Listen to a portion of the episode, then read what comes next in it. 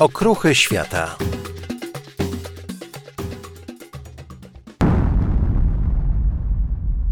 Drugie słońce wyrosło na bezchmurnym niebie Syberii, tylko większe i jaśniejsze. Błysk oślepił myśliwych, drwali i gospodarzy. Zaraz potem powietrze rozgrzało się tak bardzo, że zdzierali z siebie koszule, uciekając do chat. Ale i te nie dały schronienia. Z nieprawdopodobnym grzmotem pojawił się podmuch, który powalił miliony drzew, uszkodził drewniane schronienia, spalił setki hektarów lasu i pozostawił po sobie jedną z największych przyrodniczych zagadek XX wieku.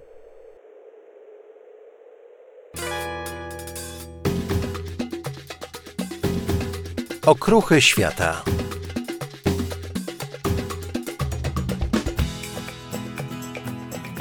Za 300 metrów skręć w lewo.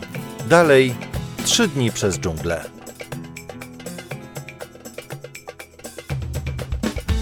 Trafiasz w miejsce, gdzie podróż jest stylem życia, zmienność codziennością. Spędzisz święta z Indianami i zjesz kawior na Kamczatce. Nocą wtargniesz do zamku Drakuli, a za dnia spenetrujesz resztki elektrowni w Czarnobylu. Poznasz zapach kontynentów i smak kultur. Zaufaj przewodnikowi. Będzie nim Krzysztof Petek, pisarz, dziennikarz, organizator wypraw, instruktor survivalu i adept kung fu. Klucznik otwierający bramy do świata przygody. Za 3 sekundy dotrzesz do celu.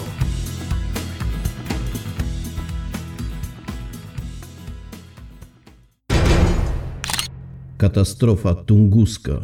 Zagadkowy meteoryt. Czołem. Po raz pierwszy opowiem Wam o wyprawie, która dopiero się odbędzie. Została wprawdzie zaplanowana już dawno, przed kilku laty, ale splot wydarzeń spowodował, że musieliśmy ją odłożyć i w moich planach znalazła się dopiero na rok 2022. I to będzie naprawdę wyprawa. Nadmieniam o tym, bo zbyt często zwykłe wycieczki ludzie nazywają jakimiś ekspedycjami tylko dlatego, że będą wymagać wykonania 4000 kroków pod górkę. Syberię miałem okazję już odwiedzić.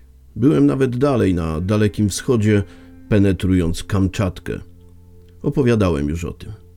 Jednak rejon kraju krasnojarskiego na północ od Bajkału jest mi absolutnie obcy. Nie postawiłem tam jeszcze stopy, ani nawet jednego kopytka, żadnego z mechanicznych koni mojego Land Rovera. Wybierzemy się więc tam razem. Na razie dźwiękowo, słuchowo, informacyjnie, ale oczywiście większość moich działań ma charakter otwarty i jeśli chcesz ze mną tam naprawdę pojechać, na bieżąco informuję i zapraszam na stronie www.drakuliada.pl no i na Facebooku, zwłaszcza na profilu Petek Ekspedycje. Jeśli tylko masz ochotę na kilkudniowy wypad w Beskidy, albo kusi cię Czarnobyl, albo mój flagowy kierunek Transylwania, no to możesz wsiąść z nami w samochód terenowy, w samolot czy łódź, czy czym tam się poruszamy i dać upust zachciankom. Oczywiście, jeżeli impreza wymaga specjalnej kondycji albo niezwykłych umiejętności, no, tak jak niektóre wyprawy do peruwiańskiej puszczy, informuję wszystkich o tym od początku, bo w niektórych miejscach nie sposób zawrócić, jak w Beskidach na przykład, wycofać się ze szlaku, zejść e, do cywilizacji, wezwać sobie taksówkę i odpocząć w wygodnym fotelu. Są wyprawy, podczas których obowiązuje reguła taka jak w jaskiniach szczelinowych, o których też kiedyś opowiem.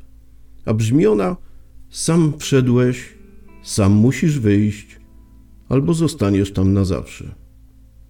I taką ekspedycją będzie penetracja miejsca katastrofy tunguskiej.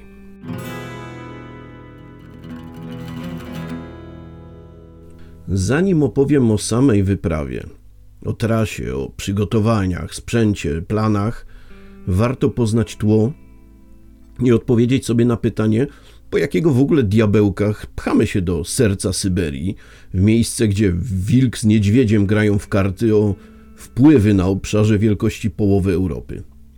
Odpowiedź jest prosta. Ludzie kochają odkrywać zagadki, odsłaniać tajemnice, a co najmniej poznawać ich szczegóły. Choć niektórzy moi znajomi mają wątpliwości, czy ja również należę do gatunku Homo sapiens, to powiem wam, że ciekawości świata jest we mnie tyle, że wylewa mi się uszami. Jest bardzo ludzka, a może właśnie nadludzka. Dlatego zagadki z całego świata działają na mnie jak magnes na opiłki żelaza.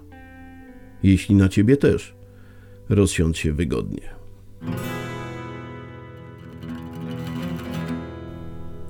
Vanawara to wieś w środkowej Rosji, w kraju krasnojarskim, w rejonie ewenkijskim, położona nad podkamienną Tunguską.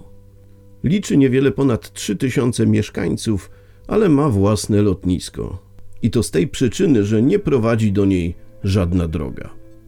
Najbliższe miasto, stutysięczny ust Limisk, położone jest jakieś 300 km na południe, a znaczący ośrodek i stolica regionu, zamieszkały przez milion osób Krasnojarsk, oddalony jest o 600 km i to w linii prostej.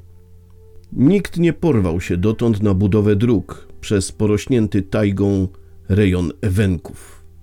Znacznie łatwiej przygotować i utrzymać lotnisko, chociaż za nic nie przypomina ono warszawskiego Okęcia.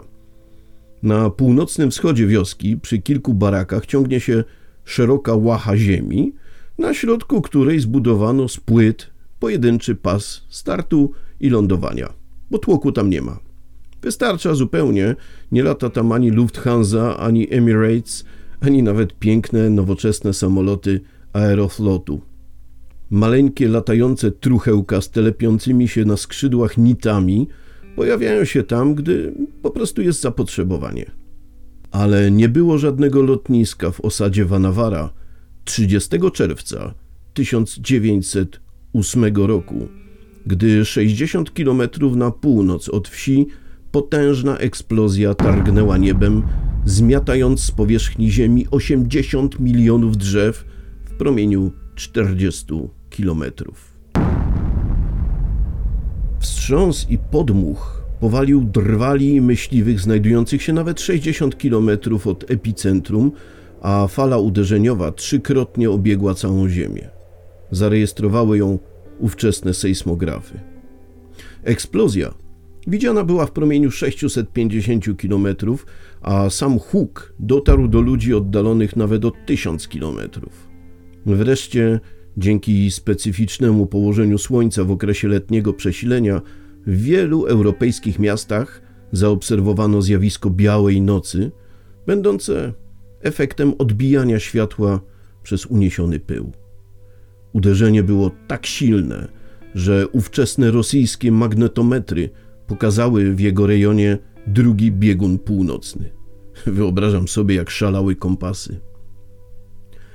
Eksplozja miała siłę 2000 razy większą niż moc bomb atomowej i wodorowej zrzuconych niemal 40 lat później na Hiroshimę i Nagasaki. To budzi wyobraźnię, prawda?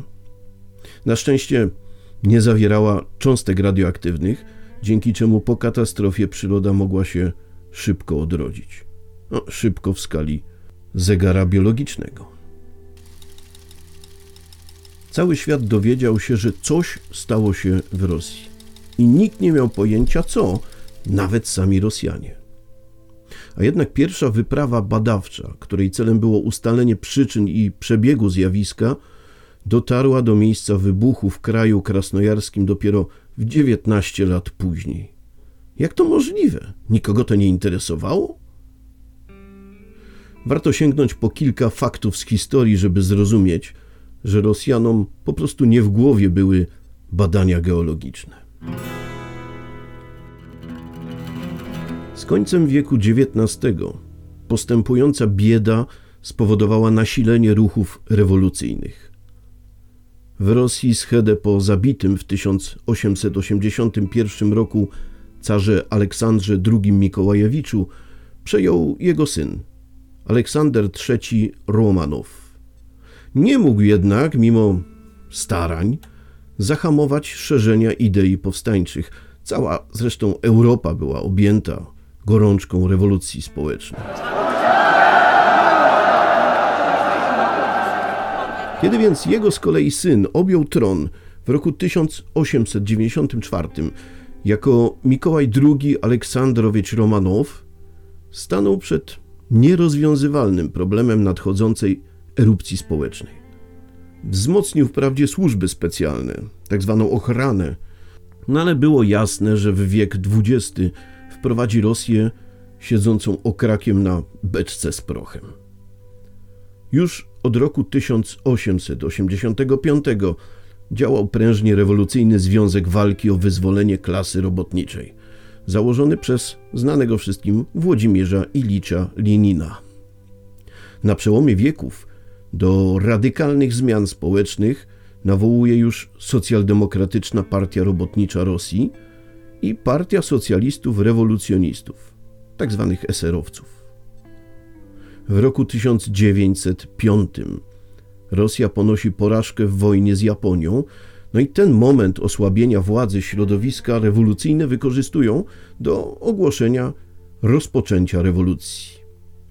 Kto z Was pamięta, że w 1905 w Rosji była jakaś rewolucja? No, niewielu, prawda? Pod jej wpływem opublikowany zostaje manifest październikowy Mikołaja II. Car zapowiada nadanie Rosji konstytucji, bo dotąd car był despotą, sam stanowił prawa, ale im nie podlegał. Manifest dopuszcza możliwość funkcjonowania partii politycznych, co stanowiło wielki przełom w Rosji. Rewolucjoniści uznają jednak ruch cara za manewr taktyczny i nie przerywają walk. W grudniu 1905 roku dochodzi do wybuchu powstania w samej Moskwie. Rok później zostaje wybrana pierwsza Duma Państwowa, czyli parlament. Wydaje się, że Rosja rozpoczyna dobę demokracji, ale nic z tego. Duma zostaje zbojkotowana przez bolszewików i kilka miesięcy później rozwiązana. W wyborach parlamentarnych w październiku 1907 roku nie udaje się wyłonić większości rządzącej. Rosjanie nie rozumieją wówczas idei demokracji. Zresztą, jak obserwuję świat, odnoszę wrażenie, że i dziś wielu z nich ma z tym problem. Tak jakby większość chciała po prostu dobrego cara na tronie i tyle. Zostają jednak wówczas przeprowadzone kolejne wybory i druga duma także upada. Zatem pora na następne. Tym razem sprytnie według ordynacji zapewniającej zwycięstwo zwolennikom rządu. Powstaje trzecia duma i funkcjonuje już pełną kadencję, czyli w latach 1907-12. I oto, po roku funkcjonowania konserwatywnego, przychylnego carowi parlamentu, wydarza się katastrofa w odległej Syberii, gdzieś, gdzie nie mieszka prawie nikt i gdzie jechać trzeba całymi tygodniami. Kogo w Moskwie, wciąż ogarniętej niepokojami, pełnej tarć i nawoływań do reformy rolnej, która zresztą nastąpi, ale dopiero w roku 1910, kogo obchodzi grom z jasnego nieba, ale bardzo odległego? Państwo jest biedne, zarządzane według feudalnych wzorców sprzed wieków. Nawet nie ma kto postulować zbadania wydarzeń z nad rzeki podkamienna Tunguska. No a potem? Potem przychodzi pierwsza wojna światowa, wyniszczająca do reszty dawne mocarstwa. Wreszcie rewolucja bolszewicka w roku 1917, poprzedzona powstaniem na chwilę rządu tymczasowego. Gdy 7 listopada 1917 roku o godzinie 21.40 z działa krążownika Aurora stojącego na Newie naprzeciw Pałacu Zimowego, czyli siedziby rządu tymczasowego, zostaje oddany strzał ślepym nabojem, rozpoczyna się wieloletni okres rewolucyjnych zmian, walk z białymi, czyli zwolennikami cara, czystek politycznych i etnicznych, przeformatowywanie gospodarki stanowiącej teraz własność państwa. Tworzy się zupełnie nowe prawo i definiuje nowa, jedynie słuszna świadomość społeczna. Powstają kolejne republiki socjalistyczne. Lenin ogłasza w roku 1921 słynną NEP, czyli nową politykę ekonomiczną. Czy w tej sytuacji ktokolwiek pamięta jeszcze o katastrofie tunguskiej, o wybuchu z czasów caratu? Tak. Rosyjski geochemik i mineralog Władimir Wiernacki interesuje się relacjami sprzed 13 lat i zleca poszukiwania Leonidowi Kulikowi, zajmującemu się badaniem meteorytów. Kulik w pierwszą wyprawę wyrusza właśnie w roku 1921, ale nie znajduje niczego ciekawego, nie dociera do epicentrum katastrofy. Ekipa ma olbrzymie kłopoty w podróży, brnie przez śniegi, pokonuje łachy błota, przekopuje zaspy. Wreszcie zawraca i o sprawie na szereg lat wieść ucicha. Rosja wciąż jest tyglem politycznym. 31 stycznia 1924 roku uchwalona zostaje konstytucja Związku Socjalistycznych Republik Radzieckich.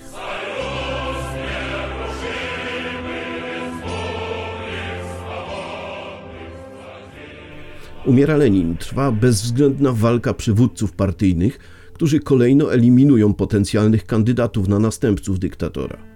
Walkę o władzę wygrywa znany wszystkim Józef Wisarionowicz Stalin. Lew Kamieniew, Georgij Zimowiew, Lew Trocki, Nikołaj Bucharin i Aleksiej Rykłow zostają odsunięci od władzy. Wielu także od prawa do oddychania, bo były to bezwzględne czasy. W roku 1927 ogłoszony zostaje 15 zjazd WKP, czyli Wszechzwiązkowej Partii Komunistycznej, który ma zapoczątkować sowieckie plany gospodarcze i oficjalne sukcesy, no w tym program kolektywizacji rolnictwa. Jak to się skończyło, to może pamiętacie z lekcji historii. Stalin jest na etapie ugruntowywania swojej pozycji. Już może zająć się przyczółkami takimi jak nauką, kulturą, potrzebne mu spektakularne osiągnięcia, by objawić się jako nowoczesny przywódca. Wciąż działa założona w XVI wieku Cesarska Akademia Nauk, przemianowana oczywiście w roku 1917 na Rosyjską Akademię Nauk, a w 8 lat później w Akademię Nauk Związku Radzieckiego.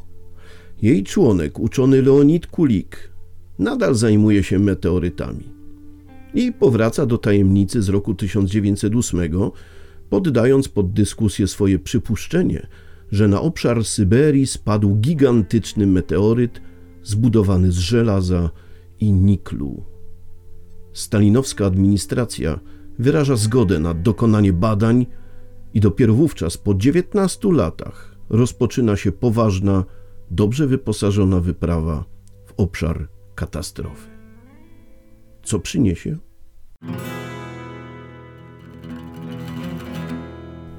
Uczeni docierają do Vanawary, gdzie wciąż mieszka szereg świadków wydarzeń z roku 1908. Penetrują lasy, spotykają myśliwych i szamanów z plemienia Ewenków. Spisują relacje, dążą na północ we wskazane przez przewodników miejsce.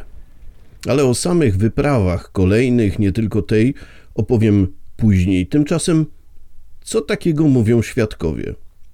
Warto prześledzić ich relacje z tamtego feralnego dnia, bo ich niespójność dała początek przeróżnym teoriom.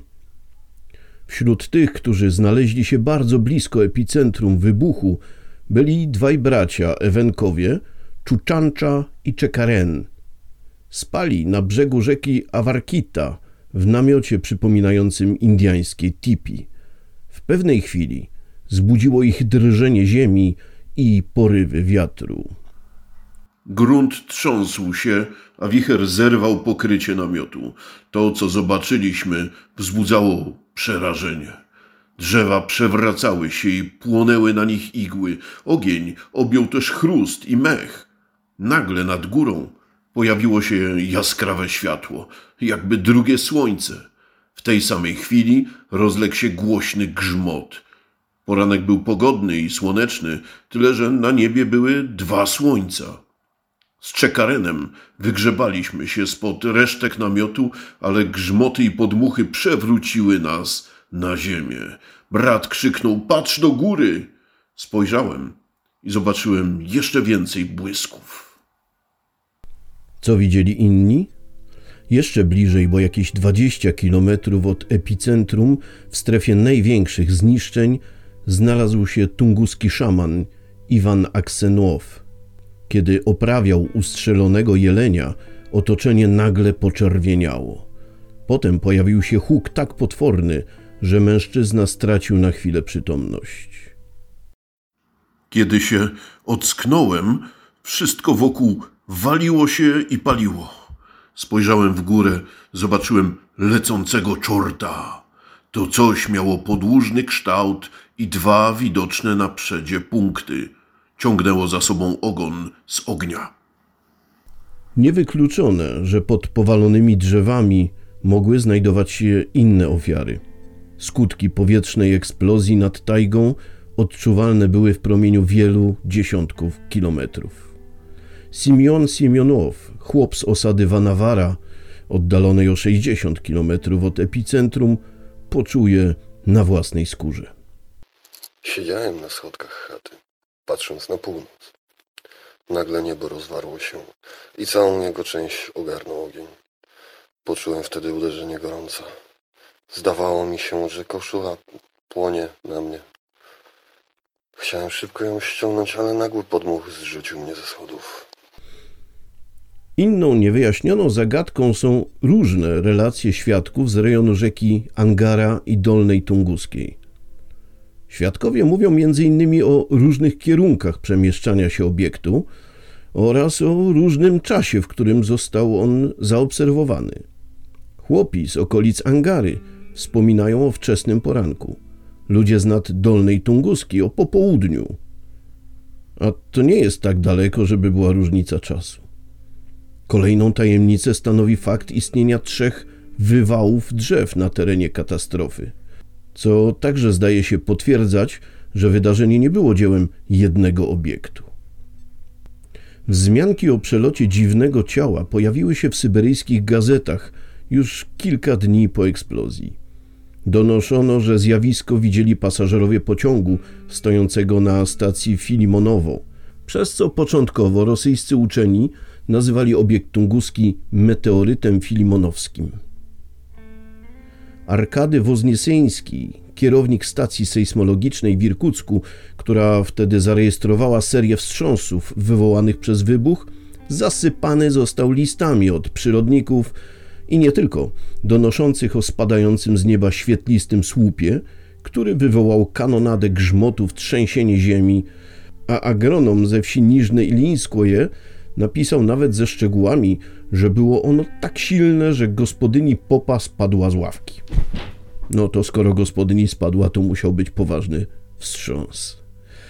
Na podstawie dostępnych informacji Woznieński wyliczył trajektorię lotu obiektu oraz miejsce jego eksplozji.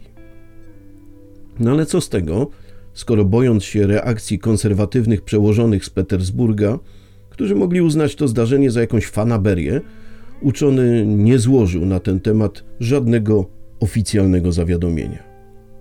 Po latach w liście do Radzieckiej Akademii Nauk pan Bułajew z Krasnojarska opisał ciało tunguskie jako kulę dwukrotnie większą od Słońca z postrzępionym ogonem, z którego sypały się iskry. Brzmi jak bajka, prawda?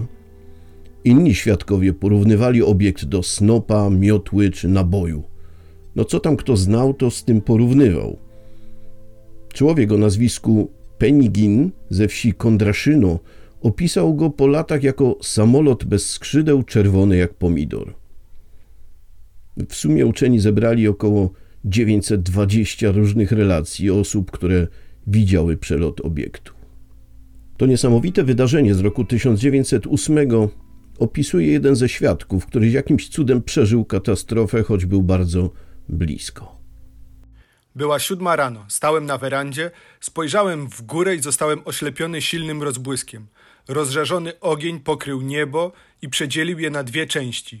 Poczułem palące powietrze na twarzy, a moja koszula zaczęła się palić. Minutę później pojawił się ten huk. Olbrzymi! Zostałem wyrzucony z werandy i wylądowałem jakieś 5-6 metrów od niej. Straciłem przytomność na parę minut.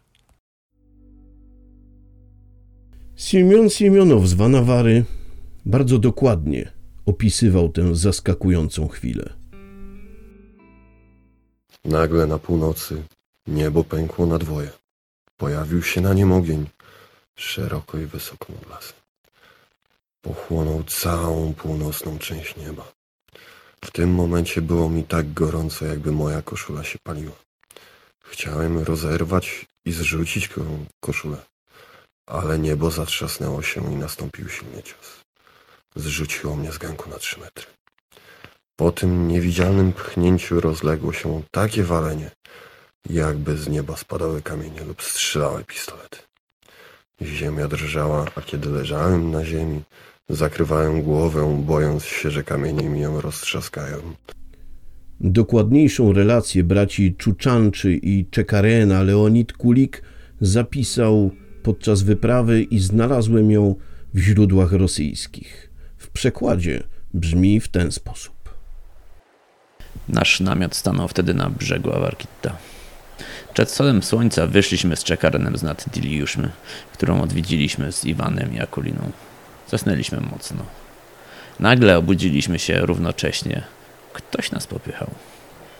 Usłyszeliśmy gwizd i silny wiatr. Czekaren wciąż krzyczał: Słyszysz, ile lata gągołów i nuru gęsi?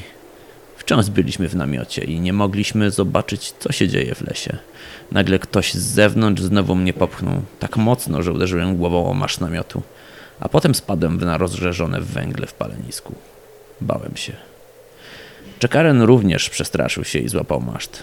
Zaczęliśmy wzywać ojca, matkę, brata, ale nikt nie odpowiedział. Za ścianą narastał potworny hałas. Słychać było trzask łamiących się drzew. Czekaren i ja wyszliśmy ze śpiworów już mieliśmy wyskoczyć na zewnątrz, gdy nagle grzmot uderzył mocno. Bardzo mocno. To był pierwszy cios. Ziemia zaczęła drgać i kołysać się. Silny wiatr uderzył w nasz namiot i przewrócił go. Zostałem przygnieciony przez maszty, ale głowę miałem na zewnątrz. Wtedy zobaczyłem straszny cud. Lasy spadają. Płoną na nich igły. Płonie suchy las na ziemi. Płonie mech i sierść jelenia. Dym dookoła, oczy bolą. Gorąco, bardzo gorąco. Można się poparzyć.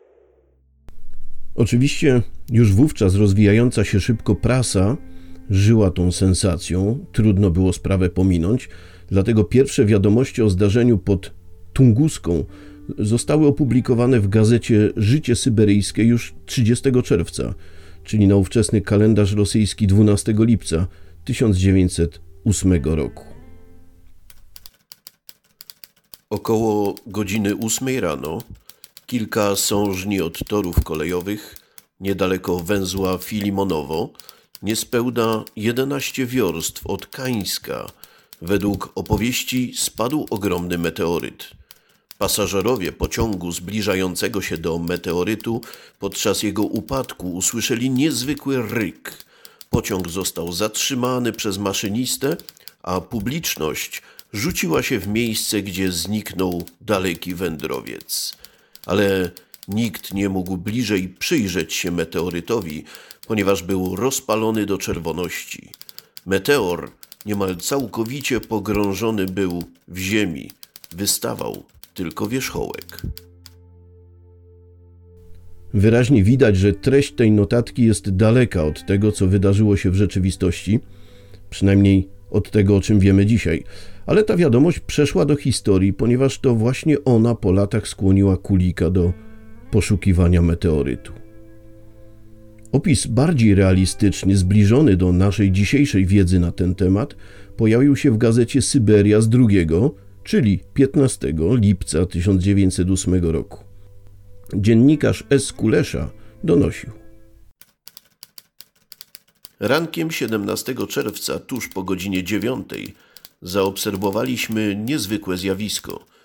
We wsi Nowej Karelińskiej, 200 wiorst od Kireńska na północ, chłopi zobaczyli na północnym zachodzie, dość wysoko nad horyzontem, jakieś niezwykle silne ciało świecące białym, niebieskawym światłem, poruszające się przez 10 minut od góry do dołu. Ciało zostało przedstawione w formie fajki, czyli cylindrycznej. Niebo było bezchmurne, tylko niezbyt wysoko nad horyzontem, po tej samej stronie, po której obserwowano świecące ciało, znajdowała się zauważalna mała ciemna chmura. Było gorąco i sucho. Zbliżając się do ziemi, błyszczące ciało zdawało się rozpraszać, ale w jego miejscu utworzyła się ogromna maczuga czarnego dymu i słychać było niezwykle silne pukanie, a nie grzmot, jakby efekt dużych spadających kamieni lub ognia armatniego. Wszystkie budynki się trzęsły. W tym samym czasie z chmury buchnął płomień o nieokreślonym kształcie.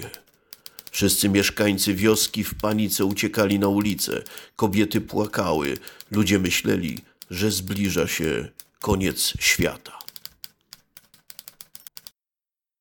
Szum wokół niewyjaśnionej eksplozji nie ustaje od ponad 100 lat. Nic dziwnego, że stała się ona także kanwą dokonań literackich. W 1945 roku radziecki pisarz science fiction Aleksander Kazantsew, opierając się na relacjach świadków wydarzeń w Tunguskiej i jednocześnie wybuchu bomby atomowej w Hiroshimie, zestawił to wszystko i zasugerował, że dostępne dane nie wskazują na naturalny, ale na sztuczny charakter wydarzenia. Postawił tezę, że meteoryt tunguski był po prostu kosmicznym statkiem pozaziemskiej cywilizacji, który uległ katastrofie w syberyjskiej tajdze. Oczywistą reakcją środowiska naukowego było całkowite odrzucenie takiej hipotezy. W roku 1951 w dziewiątym numerze czasopisma Nauka i Życie ukazał się artykuł poświęcony analizie i obaleniu hipotezy Kazantsewa. Autorami artykułu byli najwybitniejsi astronomowie i specjaliści w dziedzinie meteorologii. Swoją drogą bardzo chciałbym, żeby naukowcy polemizowali z tezami z moich książek. Wyszło ich już 30, a oni nie chcą mi robić darmowej reklamy. A Kazantsewowi zrobili. W artykule argumentowano, że wyłącznie hipoteza meteorytu jest poprawna i że wkrótce na pewno zostanie odkryty krater po jego upadku. Obecnie za najbardziej prawdopodobne miejsce upadku, czyli eksplozji meteorytu, uważa się wspomnianą już południową część obniżenia, tak zwane południowe bagno. W stronę tego bagna skierowane są również korzenie powalonych drzew, co świadczy o tym, że rozprzestrzeniała się stąd fala podmuchowa. Niewątpliwie w pierwszej chwili po upadku meteorytu w miejscu południowego bagna powstało zagłębienie. Niewykluczone, że powstały po wybuchu krater był stosunkowo niewielki i wkrótce, prawdopodobnie już pierwszego lata, został zalany wodą. W kolejnych latach był on pokrywany mułem i warstwą mchu. Z czasem został wypełniony nierównościami torfu i częściowo zarośnięty krzewami. Czyli meteoryt. No to szukamy. Ciekawostką jest też, że relacje naocznych świadków wspominają niekiedy o dwóch obiektach obserwowanych przed eksplozją tunguską. Jeśli dwa, to co to może oznaczać? Czy wielki kosmiczny bolid podzielił się, rozpadł na dwie części? A może to była para obiektów, które jednocześnie wpadły? Generalny scenariusz wydarzenia tunguskiego, o którym wspomina większość badaczy, jest dość klarowny – Pojedynczy kosmiczny obiekt przelatuje nad środkową Syberią i eksploduje nad bagnami nad podkamienną Tunguską i wywołuje potężną falę uderzeniową. Kiedy jednak prześledzimy kilkaset relacji świadków, otrzymujemy całkiem inny obraz. Wskazuje on na istnienie albo jednego obiektu, który wykonuje różne manewry, zygzakuje wręcz po niebie, co oczywiście wskazywałoby raczej na zepsuty autobus kosmiczny, albo dwóch poruszających się po różnych trajektoriach. Co więcej, nawet wzór powalonych drzew jest zbyt skomplikowany i sugeruje pojawienie się fali uderzeniowej i dwóch fal dziobowych. Po podobnych analizach część badaczy doszła do wniosku, że istniały dwa obiekty tunguskie. Jeden lecący z południowego wschodu na północny zachód, a drugi ze wschodu na zachód. Dziś nakreśliłem historyczny obraz niezwykłego wydarzenia z roku 1908. Wiecie już, co opowiadali świadkowie, jakie parametry zarejestrowały urządzenia i jak wyglądało miejsce katastrofy. Po fotografię zapraszam na Facebook do profilu Okruchy Świata. Pokażę Wam te archiwalne i te mniej więcej współczesne. Następny odcinek podcastu poświęcę wyprawom badawczym, które przez dziesiątki lat z coraz nowszym sprzętem i kolejnymi teoriami penetrowały rejon podkamiennej Tunguski. Z jakim efektem? No, czasem bardzo zaskakującym. Zapraszam zatem na kolejny podcast Katastrofa Tunguska Badania. Tymczasem dzisiaj dziękuję moim lektorom. Byli nimi Wojciech Mrzygłód, Filip Andrzejczak, Konrad Kaluza i Daniel Małajowicz. Dzięki wielkie, a chętnych na wyprawy, nie tylko tę w przyszłości, ale nawet te najbliższe, zapraszam na Facebook, na profil Okruchy Świata, Petek Ekspedycje, no i oczywiście na stronę www.drakuliada.pl. Do usłyszenia.